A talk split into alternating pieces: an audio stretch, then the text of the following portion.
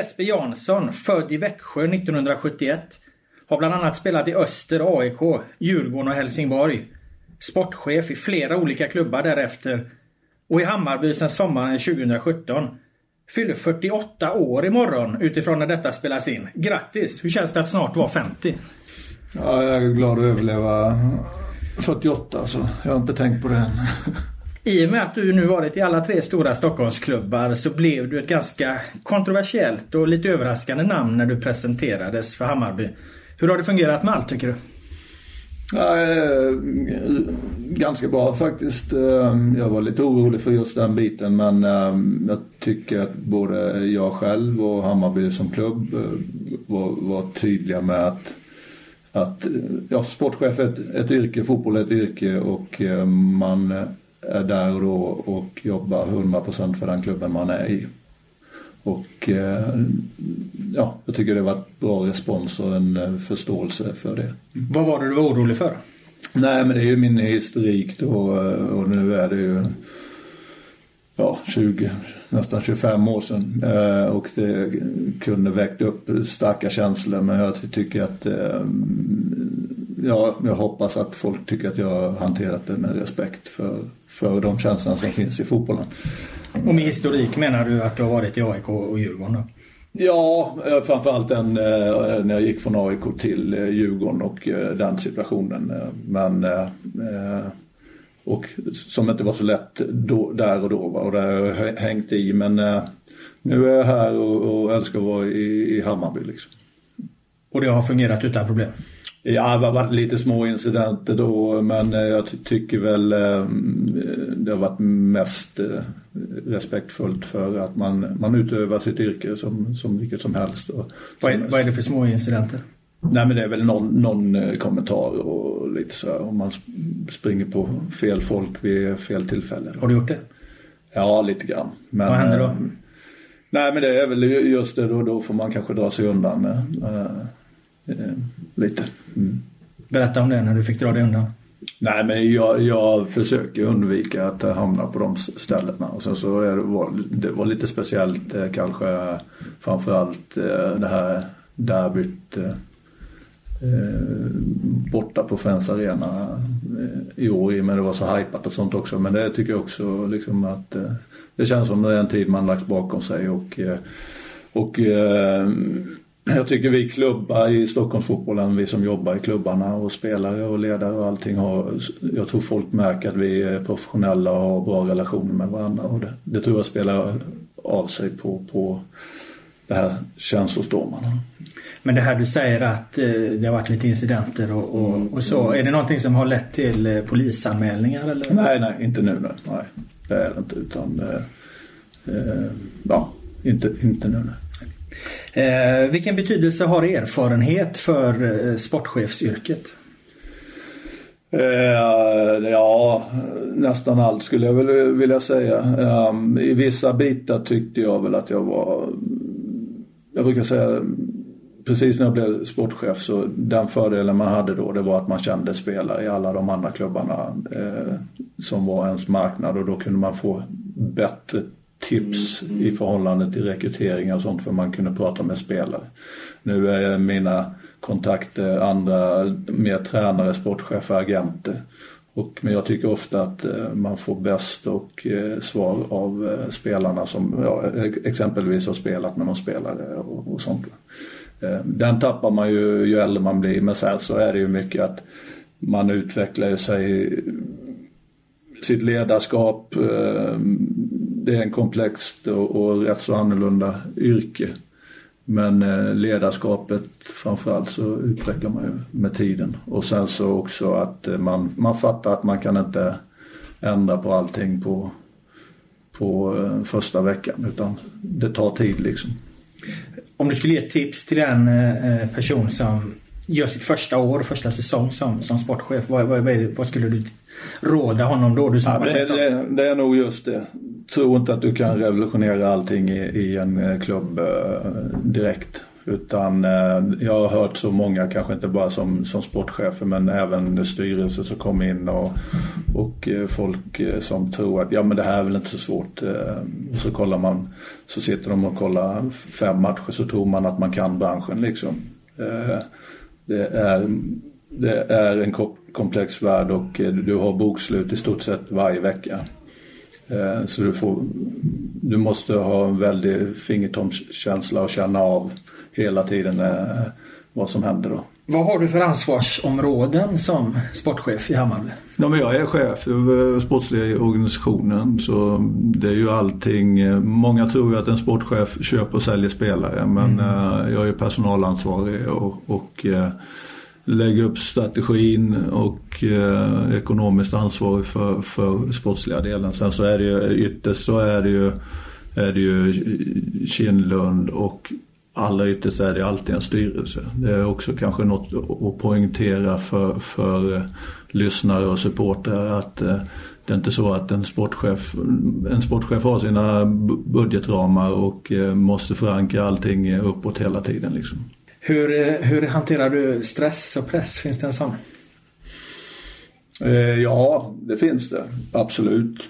Jag, jag pratar rätt långsamt och segt så folk tror nog att jag är ganska lugn. Eh, skenet bedrar? Skenet bedrar en del eh, faktiskt. Men jag, jag,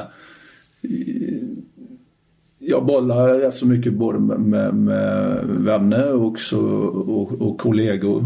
Både, både in, inom klubb men även med, med andra i, i, liknande roller. För att eh, det är en, som jag sa innan ett, ett komplext yrke som inte så många förstår. Då blir det lätt att man söker sig till de som har varit i samma situationer.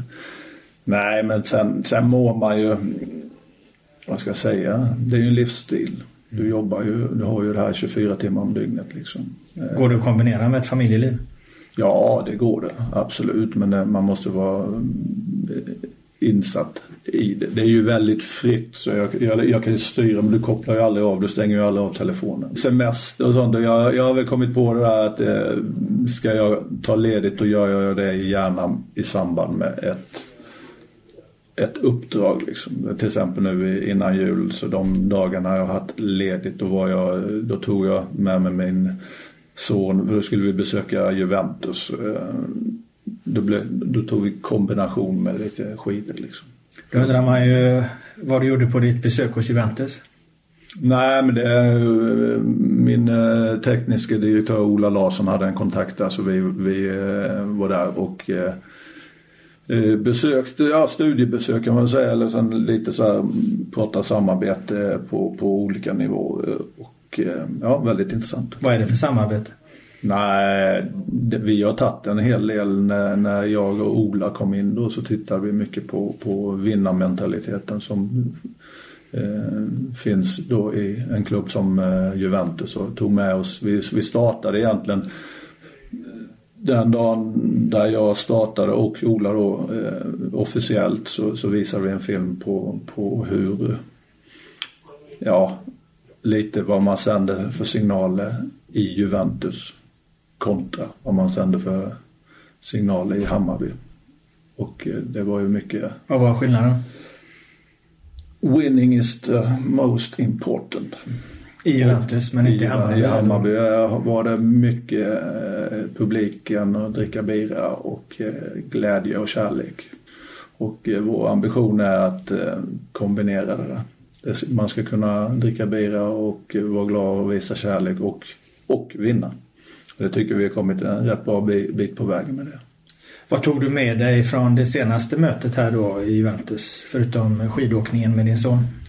Nej men det är faktiskt eh, det man, när man är ute och besöker klubbar och sånt eh, så är det, det är mer en bekräftelse på att man är på, på rätt väg. Och att man med lite mindre resurser givetvis så, så är det mer tankesättet som är riktigt. Bland annat så, så är Juventus första eh, italienska klubben som har startat ett B-lag som spelar i då Serie C. Eh, eh, och eh, vi har precis gått in i ett eh, rätt så tätt samarbete med eh, IK Frej.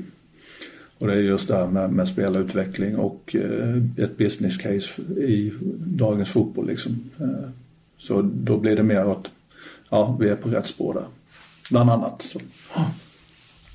Och att då Juventus också är en klubb på den nivån som är väldigt tydliga med vilken strategi man har. Liksom. Eh, och det, det tycker jag att eh, det har jag tryckt på mycket sen vi kom in här att eh, du måste liksom ha, ha en tydlig strategi vad du vill med, med verksamheten. Jag fick en fråga, en, en läsarfråga faktiskt som tangerar det. Jag tänkte jag kan, kan slänga in den. Eh, det var en person som vill veta hur en modern sportchef ser på klubbkultur i form av spelare och ta in spelare utifrån kontra e, egna led. Extra aktuellt nu när Kennedy har slutat i Bayern och, och, och egentligen ingen tar över på samma sätt. En modern spelare idag går mer efter pengar känns det som. Det är mycket prat om spännande projekt istället för klubbkultur. Eh, anser den här läsaren då som har ställt en fråga. Eh, och här talar du om liksom att ta efter Juventus och deras vinnarmentalitet och, och deras sätt. Och så hur, hur, hur går det ihop med, med, med att även bevara någon form av klubbkultur tycker du? Ja, det, det, är komplext. Kennedy är ju väldigt unikt eh, och vi tog hänsyn till det. Det drev ju rätt. Det var många som, som både tyckte och trodde att Kennedy skulle sluta inför förra året. Mm. Eh, det var ju en viktig parameter när jag då faktiskt tryckte på och, och, och eh, beslutade att Kennedy får ett år till liksom. Just den biten. Eh, för vi har haft en väldig omsättning på spelarna och eh, på kort tid. Och den är inte lätt, är den inte. Men eh, det är lite så här att ja, romantiskt sett så vill man ha alla spelarna ska vara uppfödda på, på Söder och och eh, gärna börjat i Hammarbys eh, PS6-lag och gått hela vägen. Men sen så har du också kravbilden att du ska vinna fotbollsmatcher.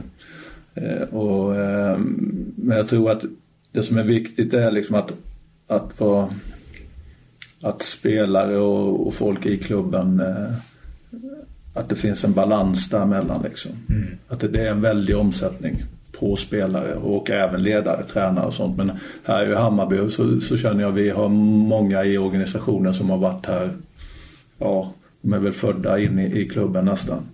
Samtidigt som att jag då och några till, vi, vi kommer utifrån så den mixen blir nog rätt bra. Och eh, sen har vi en ambition att vi, vi är väldigt tydliga i vår strategi. Om vi väljer mellan två, två spelare så har vi kategoriserat upp att, att då, då är det liksom en oerhörd fördel om man är eh, från Bayernland som vi kallar det.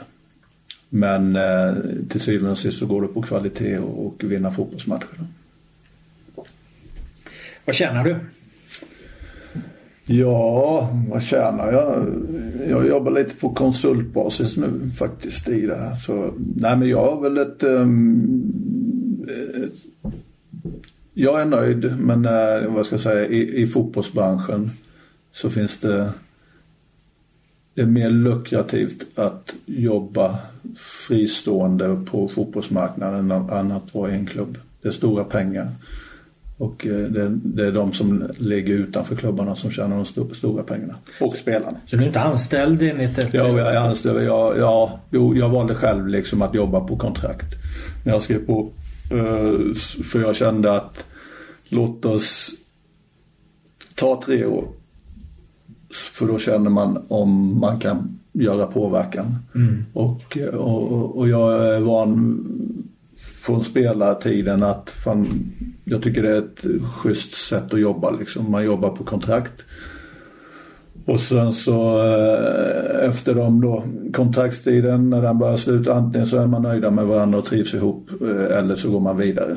Okay. Jag har haft bägge formerna av anställningar tidigare. I, min, I HIF till exempel så var jag först på, på kontrakt och sen så var jag på fast anställning och jag tycker eh, det ställer till att mer faktiskt. Sen är det lite osäkrare och sånt men jag menar på liksom att antingen är man nöjda med varandra och, och, och jobbar ut för det annars blir det klödigt. Har du bonus för eh, resultat, placeringar, eh, försäljningar? Har du några sådana liksom? Inte grejer? på försäljningar. Ehm, tyvärr skulle jag vilja sälja för jag har sålt en del spelare genom åren.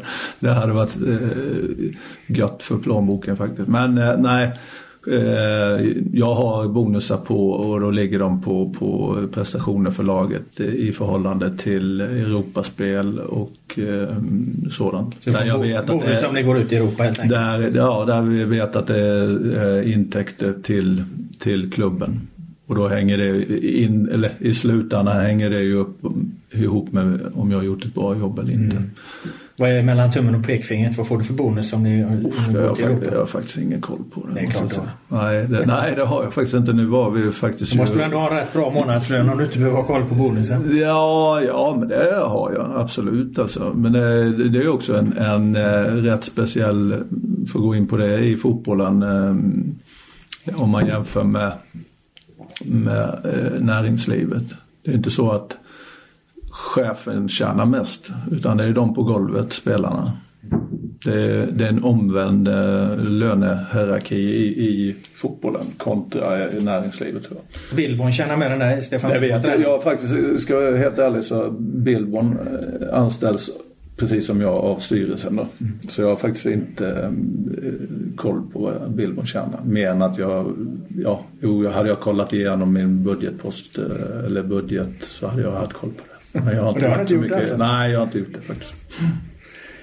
Eh, hur ser samarbetet mellan eh, scoutteamet, sportchefen och, och tränaren eh, ut eh, vid värvningar till exempel? Vem är ytterst ansvarig för, för en värvning? Ja, ytterst ansvarig är ju jag. Mm.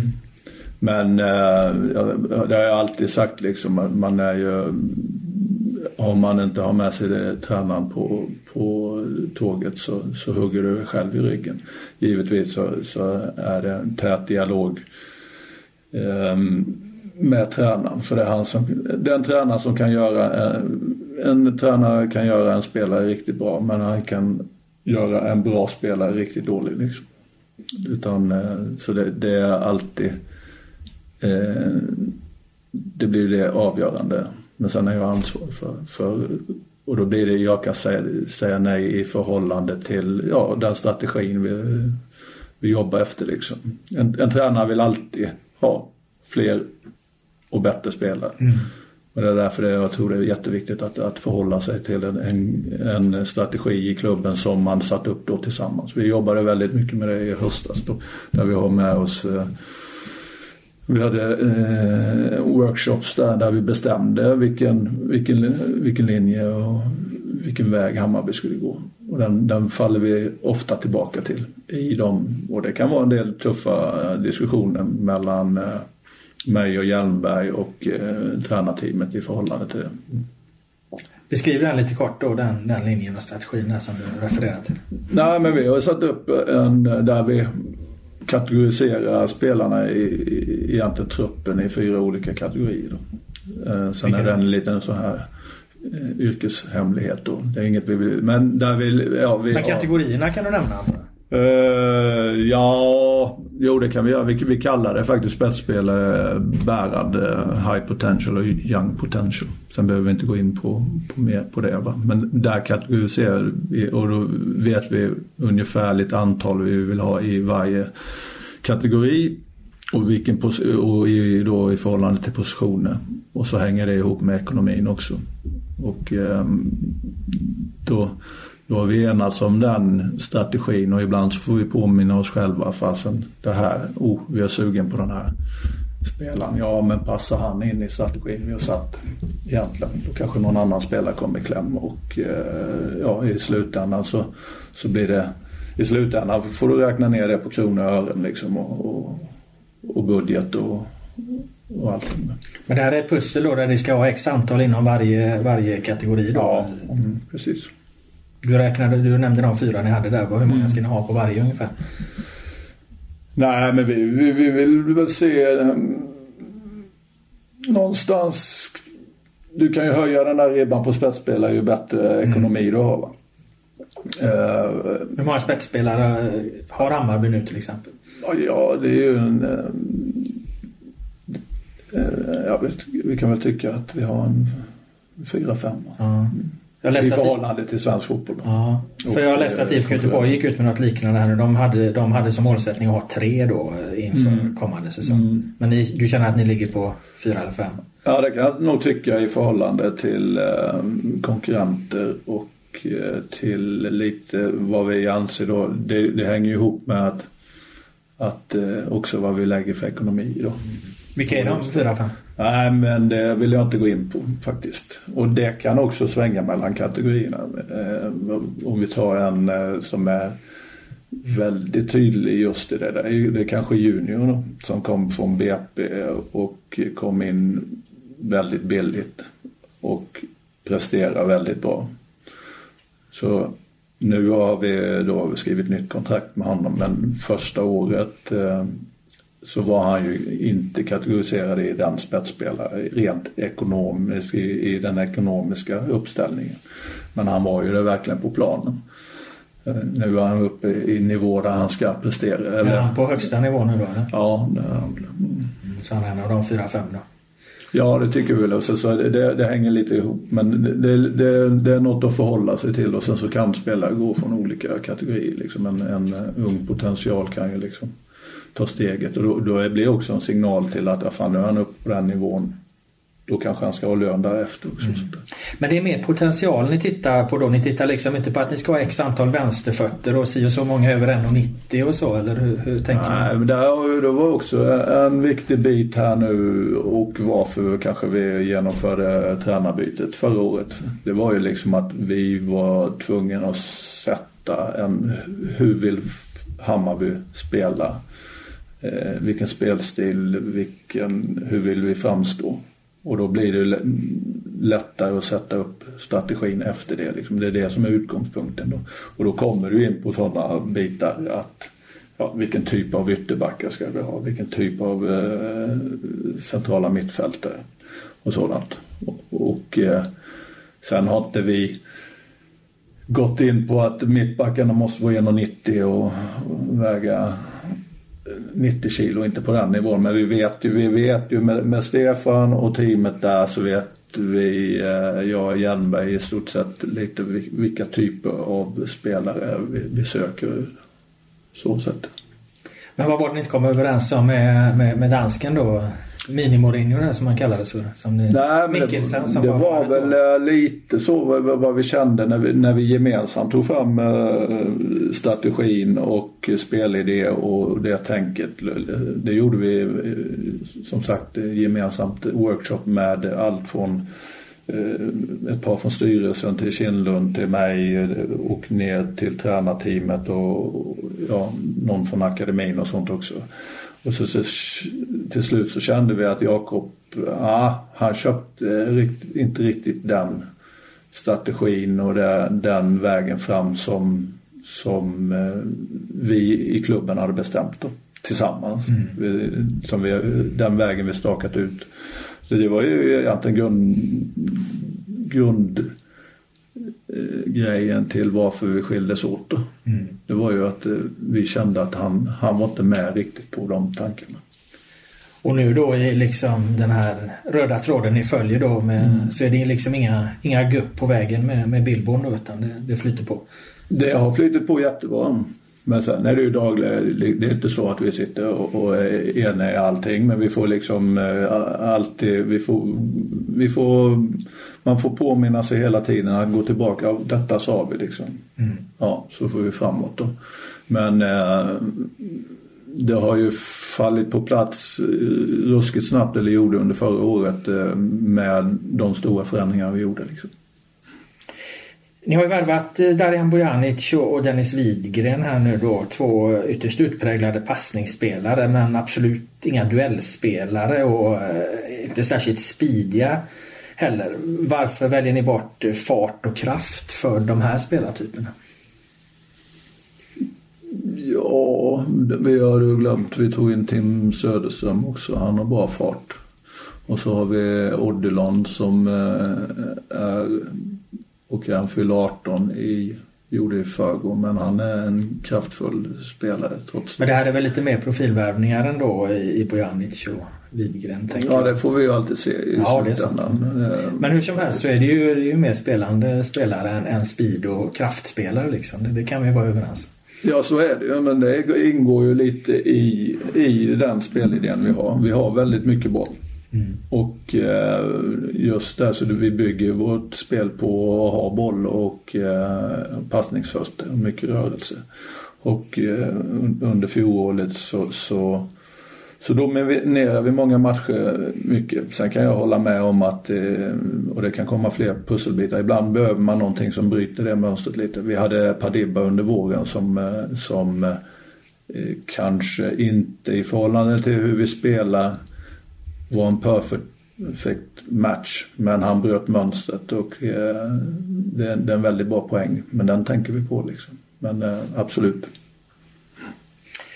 Hur bedömer du karaktär? Att en spelare liksom inte är en eh, dagslända när du, när du bestämmer dig för att värva någon? Jag har alltid sagt att personality är absolut viktigaste. Men också det svåraste. Att um, att känna av. Och eh, det finns redskap för det där som jag vet bland annat eh, Wenger eh, använde i Arsenal och eh, nu när vi sålde Neto Borges så vet jag att de jobbar med, med någon scanning eller någonting i, i Genk också. Det, det är mer en resursfråga. Det, eh, där blir det lite att känna av i samtal och eh, också ta referenser och jobba. Men det är det absolut det viktigaste eh, det är personality. Och inte minst i en klubb som, som Hammarby eller i Stockholmsklubbarna generellt med, med alla säger med det trycket som finns. Eh, jag är väl lite, lite av en annan åsikt. Det finns ett tryck men det finns också en hype. Mm. Uh, och den är kanske minst lika svår att hantera för spelarna för ibland uh, så är det så att man blir kung på Söder lite väl snabbt. Eh, faktiskt. Och den ska man hantera också. Mm. Så, eh, Men hur bedömer du att Bojanic och Widgren till exempel då att de pallar trycket och hypen då? Hur, hur kom du fram till det? Om det är det viktigaste som du säger. Ja, men det, det får vi se. Det återstår att se. Faktiskt, det är ju två olika. Jag tror de har varit med ett tag ändå. De är rätt unga killar men de har varit med ett tag och eh, i, eh, i Dennis eh, fall här så tror jag också att han, vi har ju diskuterat länge här och det är en, det är en flytt. Stor flytt att flytta från Östersund till till stora Stockholm och allting. Men sen så bedömningen rent fotbollsmässigt på planen så i de här två killarna så, är, så ser jag det är trots allt det viktigaste. Det är att våga och göra de sakerna man kan på planen. Men eh, jag vet inte men jag flyttade, eh, flyttade upp från, från eh, Småland och till stora Stockholm och det är både ett annat liv och ett annat eh, sus och brus liksom. Så jag hörde en grej där runt karaktär. Jag kan ju testa om det stämmer på det då. Att man tittar på liksom hur spelare agerar vid underläge i matcher. Det finns olika spelare. Vissa hänger med huvudet. Andra liksom växer av att hamna i underläge. Springer och hämtar bollen i, eh, snabbare och typ den typen av grejer. Är det liksom sådana små knep som ni använder er av och tittar på den detaljen? Ja, det är det. Man, man, är det viktigt? Det, det är oerhört viktigt men jag tror liksom, jag brukar säga i slutändan är alltid, du kan känna mycket i slutförhandlingen när du sitter ner med spelare och kollar dem i ögonen och allting.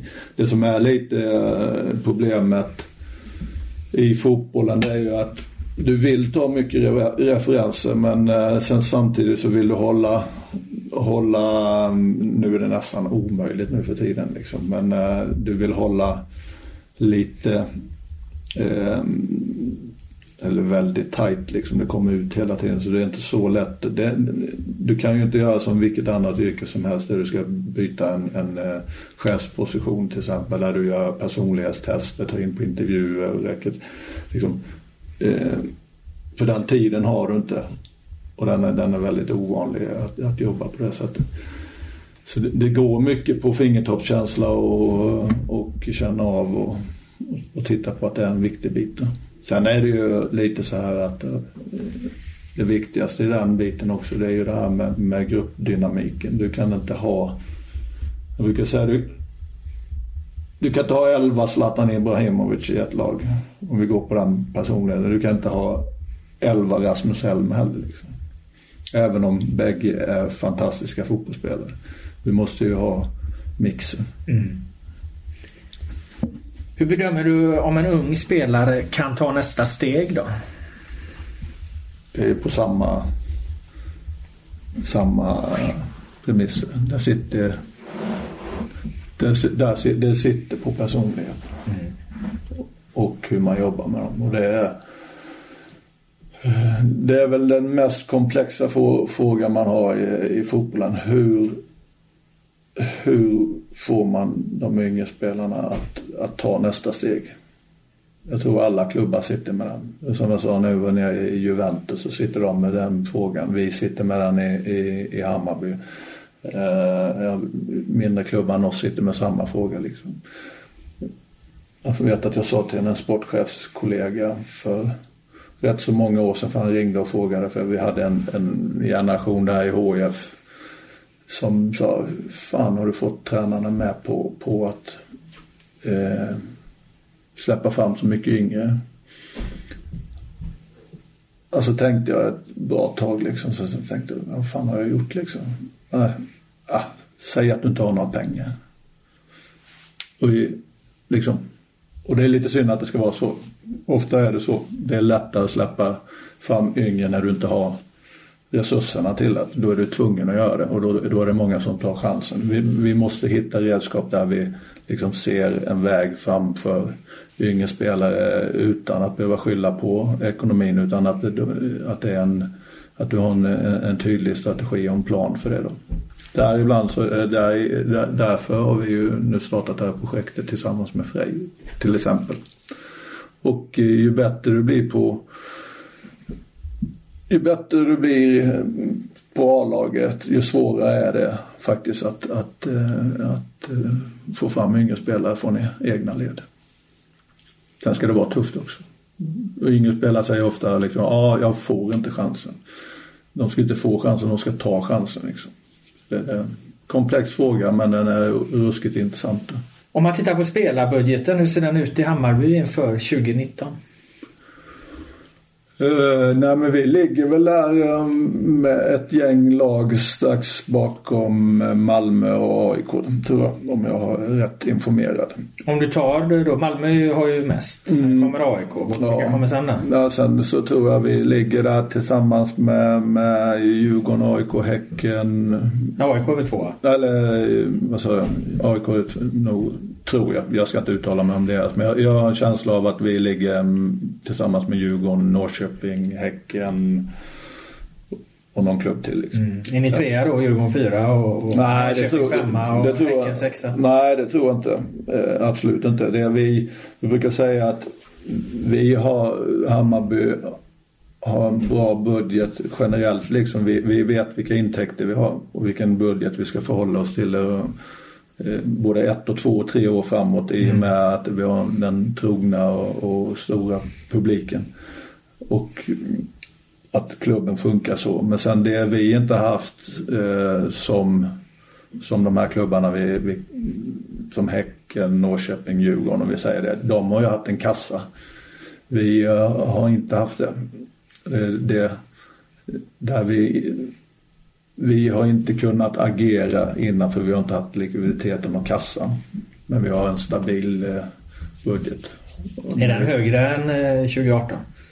Eh, det hoppas jag nu faktiskt. Du har inte satt den än eller? Nej, vi har grundbudgeten har vi. Men nu har vi då fått till ett par bra spelartransfers då. Vilket gör att vi, byggt, vi vill bygga en kassa och sen vill vi då kanske på sikt eh, öka den budgeten. Ju mer du säljer för desto mer kan du köpa för. Ja, här är det ju, det är väl återigen jämförelsevis med vad jag varit liksom så har det inte varit så att eh, jag, här känner inte jag att jag behöver sälja spelare för att täcka hål. Det har ju varit tillfället tidigare. Här kan man mer eh, strategiskt investerade i, i sporten. Mm.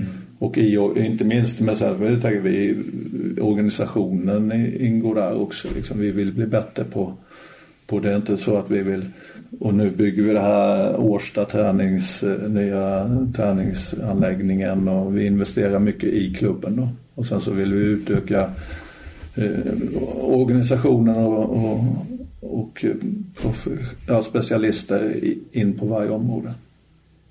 Så inte bara lägga alla, alla pengarna in på spelartruppen. Det tror jag är viktigt. AIK sålde ju 23-årige mittfältaren Kristoffer Olsson och redovisar då ett netto på mellan 20 och 40 miljoner till klubben.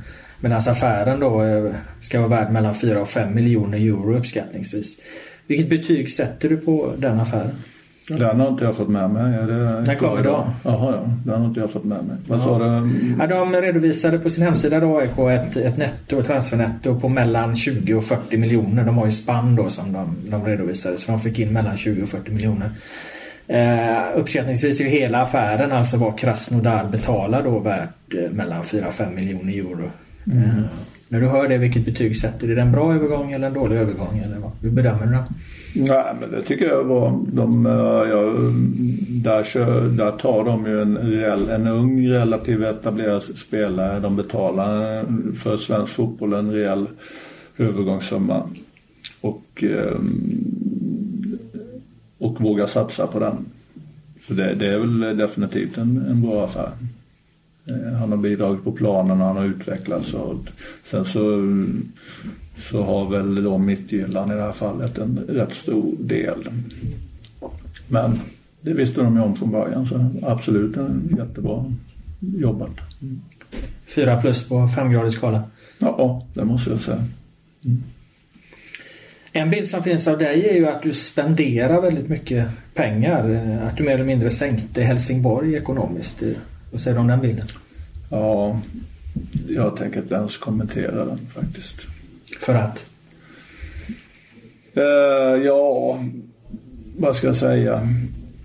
Om den är felaktig så har du chansen att ja, rätta till. Ja, det, är, det är liksom som att uh, slåss med värdekvarnarna. Jag vet, uh, jag vet vad det um, jag vet vad jag jobbade för med för budget i, i Helsingborg och jag höll mig inom de ramarna och jag vet också att eh, vi gjorde en hel del bra spelat transfers och, och eh, jag var bidragande tillsammans med, med övriga att vi tog fem guld under den tiden också och eh, betalade tillbaka ett stort kapitaltillskott till kommunen.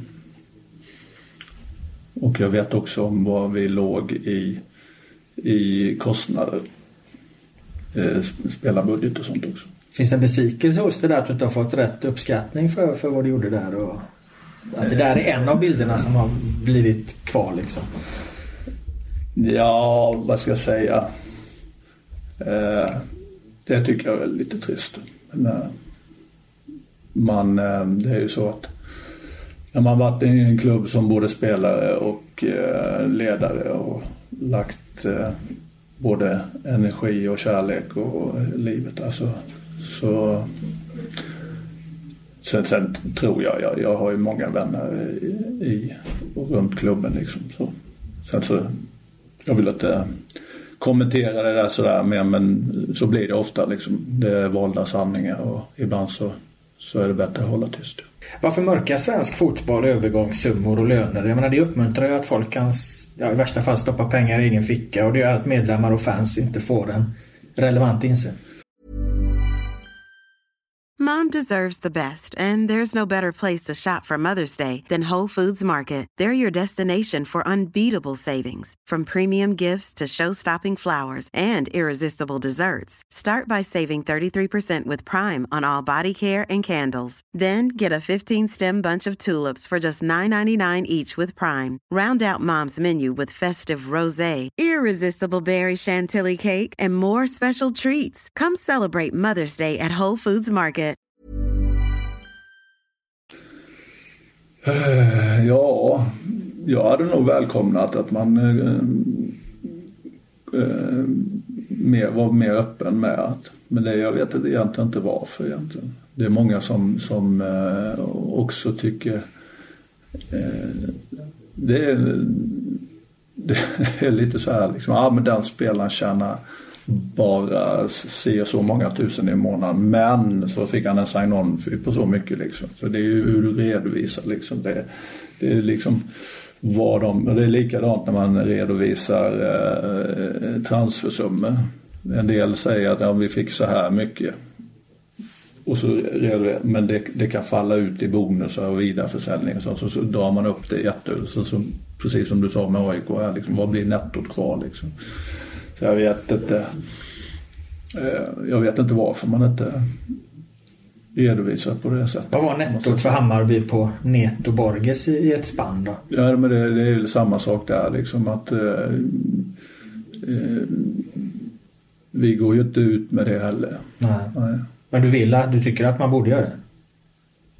Ja men något för och, och att eh, vad ska jag säga, för att slippa de här eh, diskussionerna och spekulationerna och, och allting som ofta mm, när man ser ibland eh, uppgifter om ekonomi och löner och transfersummor i media så vet jag ibland inte var de ens kommer ifrån liksom. Utan, eh, Men kan du tänka dig att driva den här frågan inom svensk elitfotboll då? Att ni ska bli mer transparenta med det?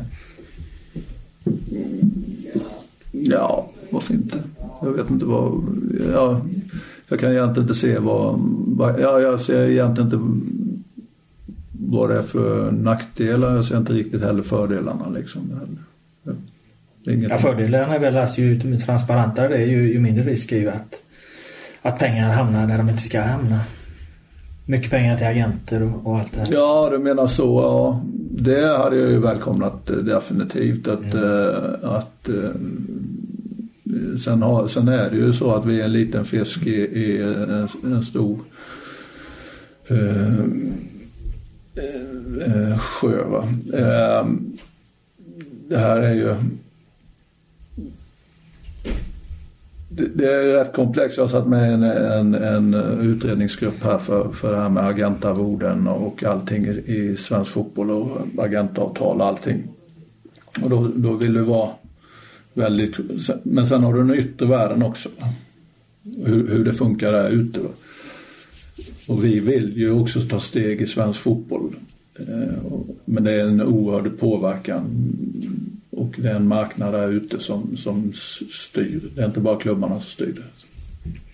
Har du en förhandlingstaktik vid spelaraffärer? Ja, det har jag. Mm. Hur ser den ut? Eh, hur den ser ut? Jag försöker vara så rak som möjligt alltså, och inte bullshitta liksom för mycket. Det är inte så men att, lite grann? Nej, men det är väl ett lite, nej men vad ska jag säga så här att jag har ju varit med om att få bud på jag tycker inte det är seriöst om en klubb som kommer med ett bud på en spelare där man vet om att eh, nästa bud blir liksom 100% högre liksom. Då, då, tappar du förtroende för den liksom. Utan kan man köra lite raka puckar och sen så, så den här spelaren är värd så här mycket och sen så, så, så har man lite ett förhandlingsspel på lite marginaler att gå på liksom. Men det blir, det blir helt fel om man ska man ser förhandlingar som går upp med från ett första bud och sen upp 100 procent liksom. Då har man bara varit, jag, jag, tror ju någonstans att man kan eh, en bra förhandling för mig det är om, om, om man eh, skakar hand och sen går man ut eh, och känner sig nöjd allihopa. Liksom. Vilken affär är du mest stolt över? Nej, men nu jag tycker ett väldigt bra exempel senast här Neto Borges. Liksom. Varför är du stolt över den? Nej men den är eh, vi, vi var väldigt tydliga med vad vi sökte för spelare. Vi sökte, sökte en ytterback. Vi, vi var väldigt noggranna med att identifiera i förhållande till vår spelstil, var ska vi hitta den spelaren? Eh, uh, pinpointa Brasilien där. Uh, vi tog in han på ett bra sätt, integrerade han i klubben och hade en plan tillsammans med, med, med hans agent och sen så i förhandlingen här så var det klubb-klubbförhandling vilket är jävligt eh, ovanligt nu för tiden. Du slapp agenterna? Ja, eh, precis. Och sen så gjorde eh, var klubbarna överens och sen så, sen så kom spelarens agent in och, och de kom överens. Det är väl lite så här skolboksexempel men sen så har det varit är rätt så stolt över en del eh, affärer när jag var i HF också.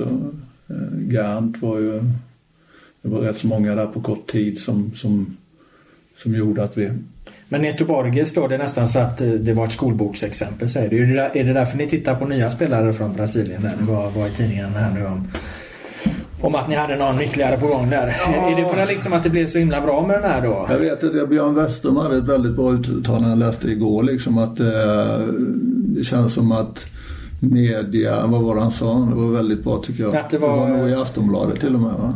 Ja det var väl något om att det var media hjälpte agenterna mycket nu. Ja, nu tror jag inte just den här uppgiften kommer därifrån men det, ja, jag tyckte det var väldigt klokt sagt av, av Björn och jag håller med liksom att det, det dras upp och skulle vi kommentera, Men vi sitter inte... där nere inne, jag och Hjelmberg och vi har hur många namn som helst på listan och sen när ringer en journalist och så vet ni vem det är. Ja, det, det är klart vi vet liksom. Mm, men ni tittar inte på någon ny brasse då alltså? Ja men vi, vi har ju, där, där pinpointade vi ett, ett, ett spår för Hammarby för ett år sedan liksom. Mm. Att vi, vi tyckte det var en intressant marknad. Mm. Eh, och eh, också utifrån Hammarbys historik och spelsätt och allting så vi kommer ju fortsätta det spåret ja. Mm. Det var inte så mycket fel på den artikeln just då? Ja, artikeln. Jag, jag har faktiskt inte läst den heller men det, eh, det finns ju fler namn. Och sen så, fler brassar alltså? Ja, vi, vi har många på, på den listan. Många brassar på ja. Vilka positioner då? Vi får se vad som händer här nu. Vi sitter ju rätt bra på Anfallare som ska flåsa Djurdjic i nacken eller? Ja, men det är en position vi tittar på nu.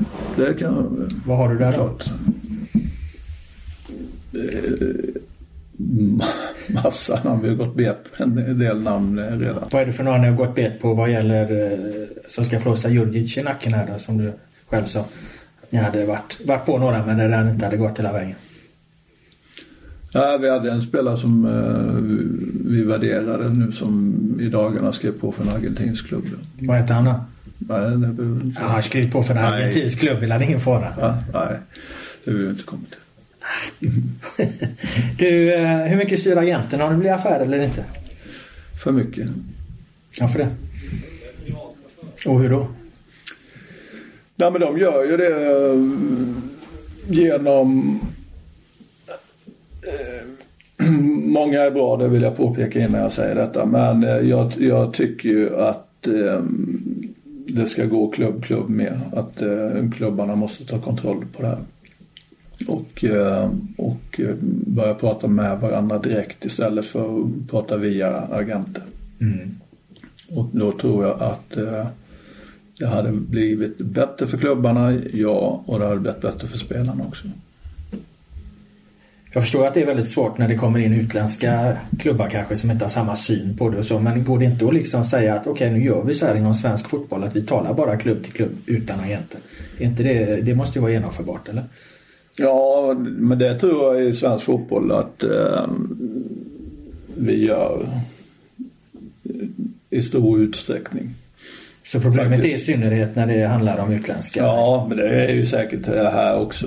Men just det, de, många gör ett jävla bra jobb också men det, det, det som jag tycker är värst är när äh, agenterna de kör påtryckningar på, på äh, klubbarna.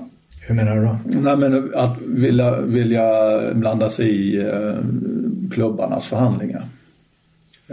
och trycka ner priserna för, för säljande klubb och vilka agenter är det som håller på med det i Sverige då? Nej, men det, jag tror många... Det, är ju, det finns tusen agenter bara i lilla Sverige. Jag tror att det, det är lite så här att de mest etablerade har väl lärt sig att eh, om man... Det är ju en relation. Du såg ju av eh, grenen du sitter på om du börjar, eh, om, om man pressar svenska klubbar, de som jobbar i den svenska marknaden. Vi måste ju, och vilket jag tycker nu de sista åren, svenska klubbar har blivit bättre på, på att få betalt för sina spelare och flytta ut vilket gör att vi kan investera i nya spelare.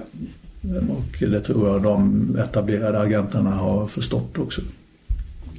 Men fotbollsförbundet har ju fått påtryckning av polisen att man ska bara prata med agenter som finns med på den här nya agentförteckningen då. Mm. Och finns de inte med där på förbundets agentförteckning då får man säga nej tack och välkommen tillbaka när du har liksom certifierat det här. Eh, mm. Jobbar Hammarby enbart med agenter som står på förbundets certifieringslista? Ja, nu är det en ny regel. Det måste vi förhålla oss till. Men det finns lite frågor där som är kvar att lösa. Vadå? Eh, vem ska... Är det upp till klubbarna att checka det här? Ehm, enligt förbundet är det upp till klubbarna. Ja, det är det. Och, och vad händer då att när det är eh, två timmar kvar på transferfönstret och det kommer en utländsk klubb via en agent. Eh, vad gör vi då? Mm, du skickar den frågan till förbundet? Ja, och förbundet har stängt och gått hem fredag klockan tre. Och men du kommer ju åt listan? Ja, listan, men den här eh, transfern kanske kan avgöra en hel klubbs framtid liksom. Och denna spelarens framtid också. Så det är en del, det är, det är en del frågor kvar att lösa liksom. Och just på den som jag var inne på innan att eh, Sverige är inte det ledande fotbollslandet, det är landet i eh, fotbollsvärlden. Så det är, det är, eh, det är mycket för att hålla sig till och eh, då kan det ju vara så att både spelare och eh, pengarna kommer inte in i, i svensk fotboll utan då går man till andra, andra länder. Inför säsongen 2019, vad behöver Hammarby framförallt värva enligt dig? Vi, sitter, vi, vi, är tidigt ute, vi har mycket på plats. Eh, vi tittar nu på egentligen på kvalitet egentligen som kan, kan eh, inte, vi har en del, vi har, vi har, dels har vi, vi har Stefans, vi har ett flexibelt spelsätt men vi har också spelare som kan spela olika positioner. Eh, så ja, vi sitter rätt trygga i men jag tittar väl egentligen på eh, lite kvalitetsspelare som kan höja, höja truppen. Ni ska gå från fyra till fem eh, i den här översta ja, spetskategorin som du talar om. Säga. Mm. Så det är en riktigt stor en drömvärvning för Jesper Jansson som är på väg in kanske? Ja, men det, ja, men det, det, vi tittar liksom lite på ren kvalitet egentligen. Inte mm. så beroende på riktigt eh, eh, position och sånt. Mm, spännande. Eh, det var det smala perspektivet. Om man går över till det breda då. Vad framförallt behöver Hammarby förbättra som förening tycker du för, att, för att hela föreningen ska ta nästa steg? Självförtroende. Mm. Uh, Vad menar du då? Tro på... Det är så mycket som är, är bra i Hammarby. Vi ligger så långt framme. Det är mycket bra folk. Det är liksom ett varumärke. Det är, jag tror det är att tro på sig själva. Liksom. Uh, det märker jag att man var, har varit lite stukade. Liksom. Lite där typiskt Bayern. Var, varför liksom? För vi har uh, vi har mycket på plats då. Men inte riktigt det här med, med självförtroendet att, eh, att våga tro på det och, och därmed då vinna mentaliteten. Liksom. Vilka uttryck tar det sig då att ni inte har det självförtroendet tycker du? Som förening? Uh, ja men det kommer lite just i det uttrycket typiskt Bayern liksom. Mm. Ja, om det händer något litet fel. Ja men det händer lite överallt liksom. Då är det typ, då är det oh, då tappar man. Istället för att se på det som är riktigt bra liksom. Uh, vi har en, uh, en arena som är världsklass liksom. Vi har ett, upp, eh, ett upptagnings, eh, vad ska jag säga, supporterstöd som är otroligt. Vi har ett varumärke, vi gör mycket gott i samhället. Vi har liksom, nu har vi Årsta på plats. Vi spelar en bra fotboll. Vi, vi har eh, ekonomin på plats. Det, det är oerhört mycket som är bra. Vi har en stabilitet i klubben. som eh, jag kommer in lite utifrån liksom och, och ser så mycket som är bra. Men när man har levt i en klubb länge så tror man att ja, det är nog mycket bättre på gröna på andra sidan. Mm. Men eh, jag, jag, tror det är en viktig bit att, att i och runt Hammarby att, att, att tro på, på sig själva och vad vi gör. Hänger det här något ihop med att ni förs försämrade sportsligt sista delen av 2018? Är det något du har gjort någon analys där att ni, ni liksom med väldigt länge men inte hela vägen 2018 i, i toppracet där?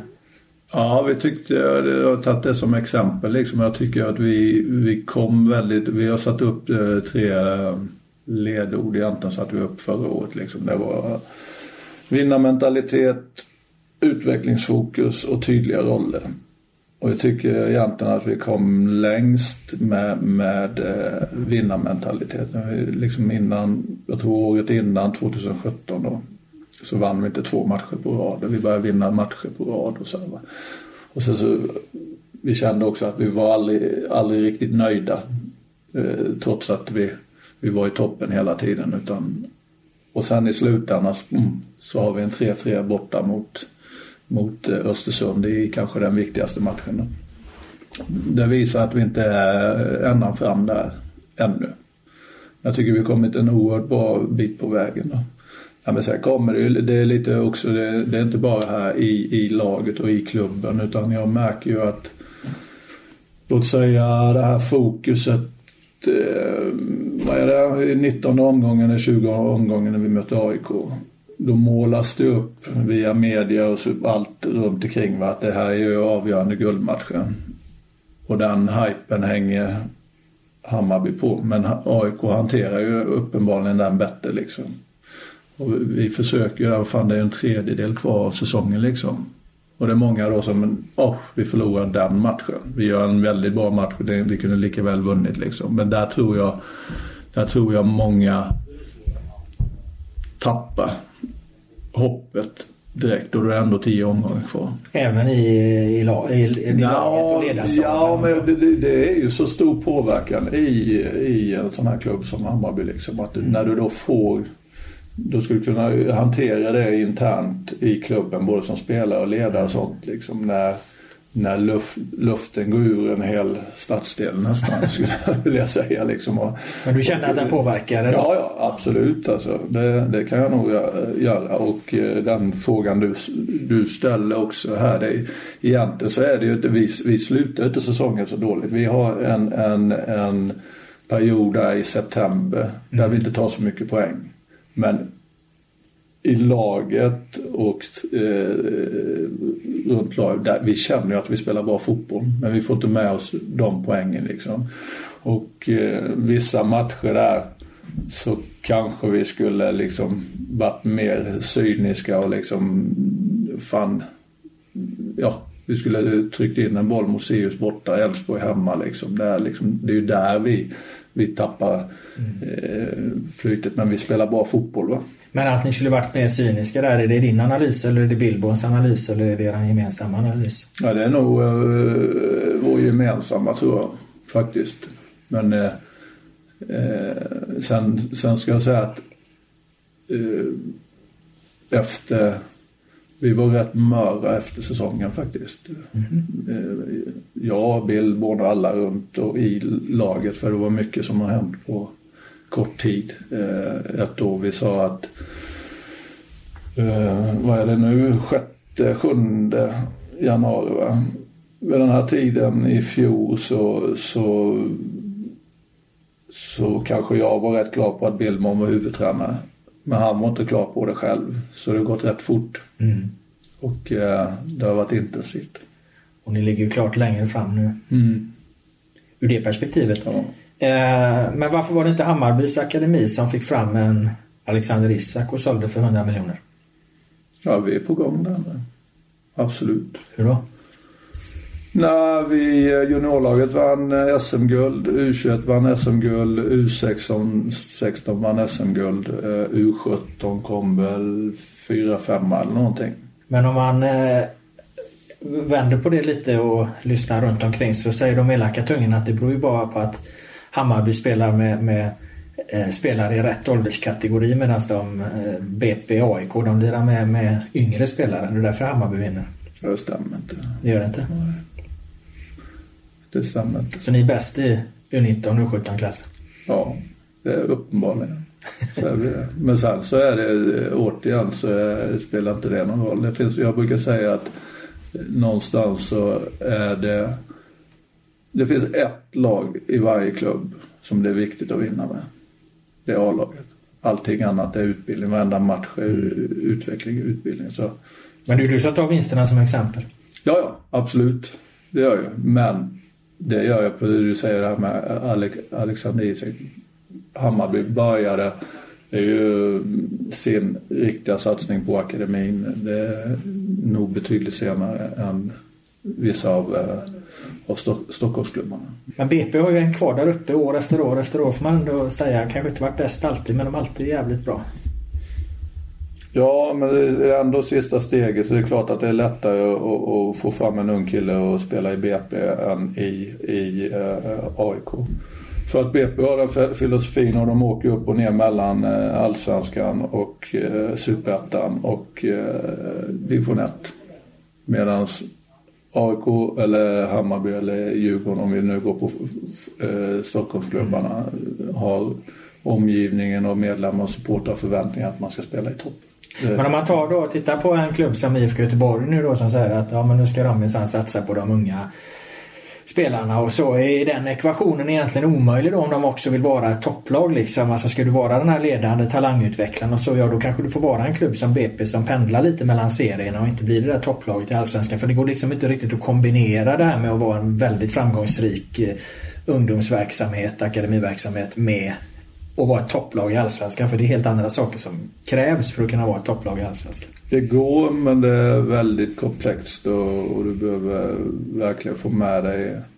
Jag tror det, det är viktigt att, och, som jag tjatar om ofta, att, att, ha en strategi och våga hålla sig till den även när det, det, du torskar fem matcher. Va? Att våga stå upp för den och, och, och våga tro på den. Mm. Vilket är ditt tips till alla unga bayern talanger Vad bör vara nummer ett på deras fokuslista? Är du bra nog så finns det ingen i Bayern, varken i eller runt omkring, som inte vill att du ska slå igenom. Vad finns det en bild av att det skulle vara så? Varför väljer du att nämna det? Nej, men det är, liksom, det är ju den högsta önskan i vilken klubb som helst. Liksom. Du mm. vill ju få en som kommer från egna led och går hela vägen. Det är ju ingen som motarbetar den. Liksom. Mm. Du, det är liksom det är den hög, alla, alla klubbars önskan. Rent, det har jag sagt många gånger, rent ekonomiskt. Mm. Om vi tar fotbollsekonomiskt så är det ingen ekonomi i, många tror att ja, man bara man får upp unga spelare så, så, så är det det som är det ekonomiskt bästa. Men i grund och botten så är det så här att du kan ta in spelare från mindre klubbar och köpa dem, köpa dem när de är 17-18 när de redan är seniorspelare. Det är en bättre ekonomisk kalkyl. Mm. Men det, har jag, jag, det, det har jag ju ett räkneexempel på i förhållande till när jag var i, i Helsingborg till exempel. Jag plockade Loris Sadiko, Simon Tern, Baffo, Akam, eh, Jarunen, eh, Emma Boateng. Alla de spelarna togs in för en summa pengar och så såldes sen vidare mot kontra de vi plockade upp från egna led mm. som kom upp men inte blev mer truppspelare. Och då kom de upp mer för att man ville, ville trycka upp egna spelare. Så en ekonomisk kalkyl av det där så är det mer lönsamt att att, eh, sen så har du mycket annat. Sen är det viktigt för oss som Hammarby. Det är jätteviktigt med, med en akademi i förhållande till eh, publik, medlemmar, allting och fostra människor och samhällsansvar och allting där. Men rent fotbollsekonomiskt så, så är det, det är inte så många Alexander Isak som, som kommer där. Då är det i en affär. Liksom. Mm. Men det var inte riktigt svar på vad, vad den här bayern talangen som är 16-17 år ska skriva upp på sin fokuslista för att eh, fokus. bli den här som går hela vägen. Ja, fokuslistan är ju våga, våga tro på just det jag säger. Liksom, att det är ingen annan som vill något annat. Liksom, jobbar du på dagligen så vi sitter mm. eh, dagarna i anda det är att vi, vi vill hitta den bästa utbildningen eller bästa vägen fram liksom med att lägga eh, mer och mer resurser på, på till akademin, hitta steget mellan junior och senior. Och, eh, ju bättre vi gör på A-sidan så kommer vi, vi försöka lägga resurser på, på, på att få fram eh, bättre spelare nedåt Liksom. Det du säger är egentligen att han ska stanna kvar i Bayern? Eh, ja, för vi försöker hitta vägar mm. för dem här. Men sen så sen är det, det kan jag också säga att ibland så kan jag rekommendera spelare att liksom, vi har ju jobbat med, med på spel, unga spelare i A-truppen med utlån. Och sen i vissa fall till och med så att det kan vara bra för dig att, att flytta ut till en annan klubb. Till och med på ren transfer så kan man komma tillbaka sen i nästa läge för att man ser att nej men just nu är det stopp i denna positionen liksom. Så vi tvihåller inte på, vi försöker titta på att på spelarens utveckling också liksom. Vilka vinner Allsvenskan 2019? Vi har ambitionen att göra men rent logiskt så, så ska Malmö vinna. För att deras ekonomiska försprång fortfarande är så pass stort? Ja men så är det. Tittar du på, mm, det finns en korrelation mellan eh, ekonomi och sportsligt resultat så det finns det i alla ligorna. Så rent logiskt ska Malmö vinna. Hammarby tvåa? Ja, rent logiskt ska väl AIK komma tvåa då. Men Hammarby trea då? Ja, men där ska vi ju vara. Mm. Och sen så vet vi om att på sikt så, så ska vi vi ska kunna vinna 2019 och sen ska vi komma vi ska komma närmare och närmare där liksom där, där vi ska vara med och slåss då. Men vi behöver ut, eh, för att ta nästa steg så behöver vi ut i, Europa och konkurrera först. Men är den för topp 3 2019 är det ett misslyckande i år för Hammarby?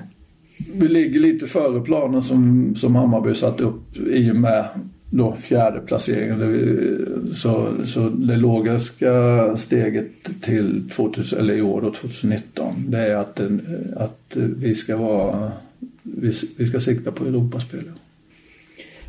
Vilken är din största motgång i livet? Nu är det många det. Nej, men eh, jag hade några tuffa år eh, när jag bodde i Stockholm för, förra gången. Eh, dels gick min mamma bort endast 48 år gammal och sen så hade jag ett, ett klubbskifte och allting som hände runt omkring som, som tog hårt på mig. Ja. Hur var det att vara mitt i den situationen?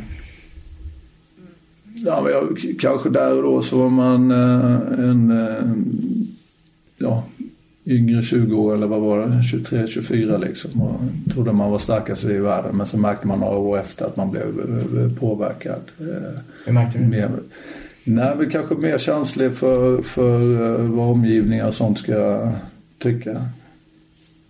Eh, och, och, ja eh, funderar mycket på det liksom istället för liksom tappade lite i, i det här att kunna vara vara så rak och som man vill. Liksom. Men menar du att du inte hanterar den här situationen? Det verkar som att du lägger den här situationen på dig själv. Det var ju vad jag förstår en oerhört tuff situation. Du berättade att din, din mamma dog här 48 år och, och, samtidigt var du utsatt för ett, ett hatdrev från eh, huliganer. Ja, men jag kanske inte jag kanske så här i efterhand så kanske jag skulle ta tag och bearbetat det där och då liksom. Mm. Men då var man mer att man, äh, man kör på liksom. Um, så sett. Men sen är det, det var en tung period. Sen har jag varit i, flera efter det. Men, uh, det var väl har du haft hjälp av det du gick igenom där då ganska tidigt i livet eller? Ja men det tror jag nog. Eh, det vet man ju. Men det är ju liksom um, det, Det tror jag kanske.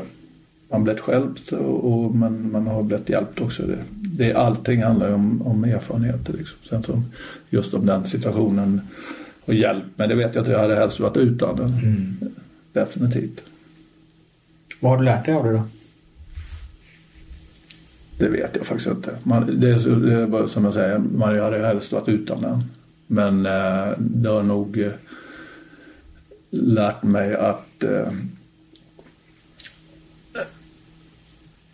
ja, det var någon sån, en coach som sa till mig, som jag hade, en kvinnlig coach, som sa antingen fattar folk eller fattar de inte. Jag har varit rätt bra på, eller en sak att jag försöker alltid övertyga folk men ibland så får man bara släppa liksom och försöka övertyga folk om att man har rätt. Den, är den jobbar jag med dagligen, att jag försöker alltid övertyga. ibland backar jag och säger att det är ingen idé. Finns det ett uttryck där? Vill du ha rätt eller vill du må bra? Det sammanfattar ju det där liksom. Ja, precis. precis. Den, den är väl jag där att jag måste jobba med fortfarande. Liksom. Men jag har blivit lite bättre på det, just det. Bra. Mm. Tack så mycket för ett intressant samtal Jesper. Lycka till i Hammarby. Ja, tack. Och tack till alla er som har lyssnat.